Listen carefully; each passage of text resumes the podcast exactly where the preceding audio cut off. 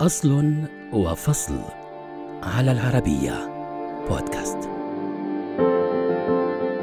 في صور المشاهير ولقطاتهم المصورة. يظهر في الخلفية أشخاص بمواصفات أمنية خاصة. يراقبون الجميع باحترافية ويحرصون على إنفاذ الأمن. إنهم الحراس الشخصيون لهؤلاء الأشخاص. وهم جزء من منظومة الحماية الأمنية الخاصة التي تعنى بالمنشآت المختلفة كالمطارات والمتاجر والمنازل والمتاحف والمعارض والمؤتمرات وغيرها. فكيف حدث ذلك؟ قبل الميلاد بنحو 1300 عام خصص الفراعنة جنوداً لحمايتهم وعائلاتهم كجنود المجاي الذين استخدمهم رمسيس الثاني دون أن يمنحهم أي أجر.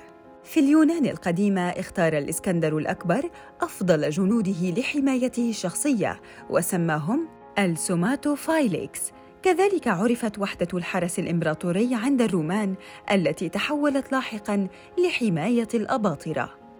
كانت للحضارات القديمة عموماً أنظمة حماية، بعضها اعتبر رمزاً لقوتها كمحاربي نبلاء اليابان الساموراي الذين امتلكوا قوى نافذة مع مرور الوقت، وكذلك القوة المحرمة بالصين التي حمت أسرة تانغ، كما عرفت نماذج حراسة نسائية بالهند القديمة حيث استقطبت المحاربات من آسيا الوسطى.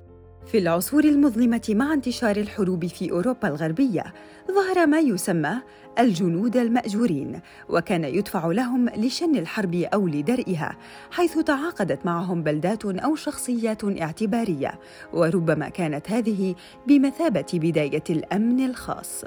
في القرن الثامن عشر حيث وجدت شركات للأمن الخاص بشكل رسمي في بريطانيا استخدمها أصحاب المصانع البريطانية لكبح الإضرابات العمالية كما مولت الحكومة خدمات شركة باو ستريت رانرز لغايات تعقب المجرمين. تبع ذلك تأسيس شركة بينكرتون كأول شركة أمنية خاصة في أمريكا عام 1850 بغرض توفير حراس لشركات السكك الحديدية والقطاع الخاص. حتى مطلع القرن العشرين. لعب الحرس الشخصي للحكام أدوارا مهمة فنجح حرس نابليون في حمايته من تفجير عبوة ناسفة.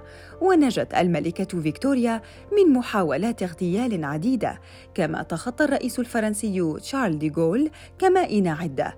لكن وحدات الحمايات العسكرية تحولت لاحقا لرموز تراثية وأصبحت تستخدم في الاستعراضات والمناسبات الوطنية كحرس الملكة الذي أصبح رمزا سياحيا جاذبا بلندن.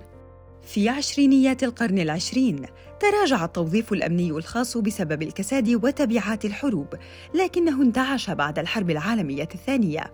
وتوسعت خدماته بشكل كبير لتشمل توفير الحمايات للأثرياء والمشاهير وغزا جميع القطاعات وأصبحت شركات الأمن تقدم خدمات أكثر احترافية كالاستشارات الأمنية والتدريب والدعم التشغيلي والاستخباراتي وإدارة المخاطر وإنفاذ القانون بمجال الإرهاب والمخدرات والجريمة المنظمة وحماية الموارد الطبيعية والنقل الآمن للسجناء. وخدمات أخرى. بعضها كان مثاراً للاستهجان.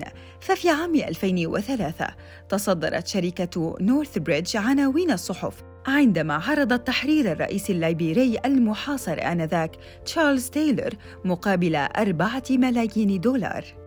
خلال السنوات الأخيرة ارتفع الطلب على الخدمات الأمنية، ففي الولايات المتحدة الأمريكية بلغ حجم سوق خدمات الأمن ما يقرب من 52 مليار دولار في عام 2022 كما قدر عدد حراس الأمن في العقود الخارجية وحدها بنحو 830 ألفاً. اليوم يخضع الحارس الشخصي لتدريبات للتعامل مع الطوارئ والإسعافات الأولية وتحليل البيانات واستخدام تكنولوجيا الذكاء الاصطناعي كما يتقاضى أجراً يتراوح بين 20 و 100 دولار في الساعة.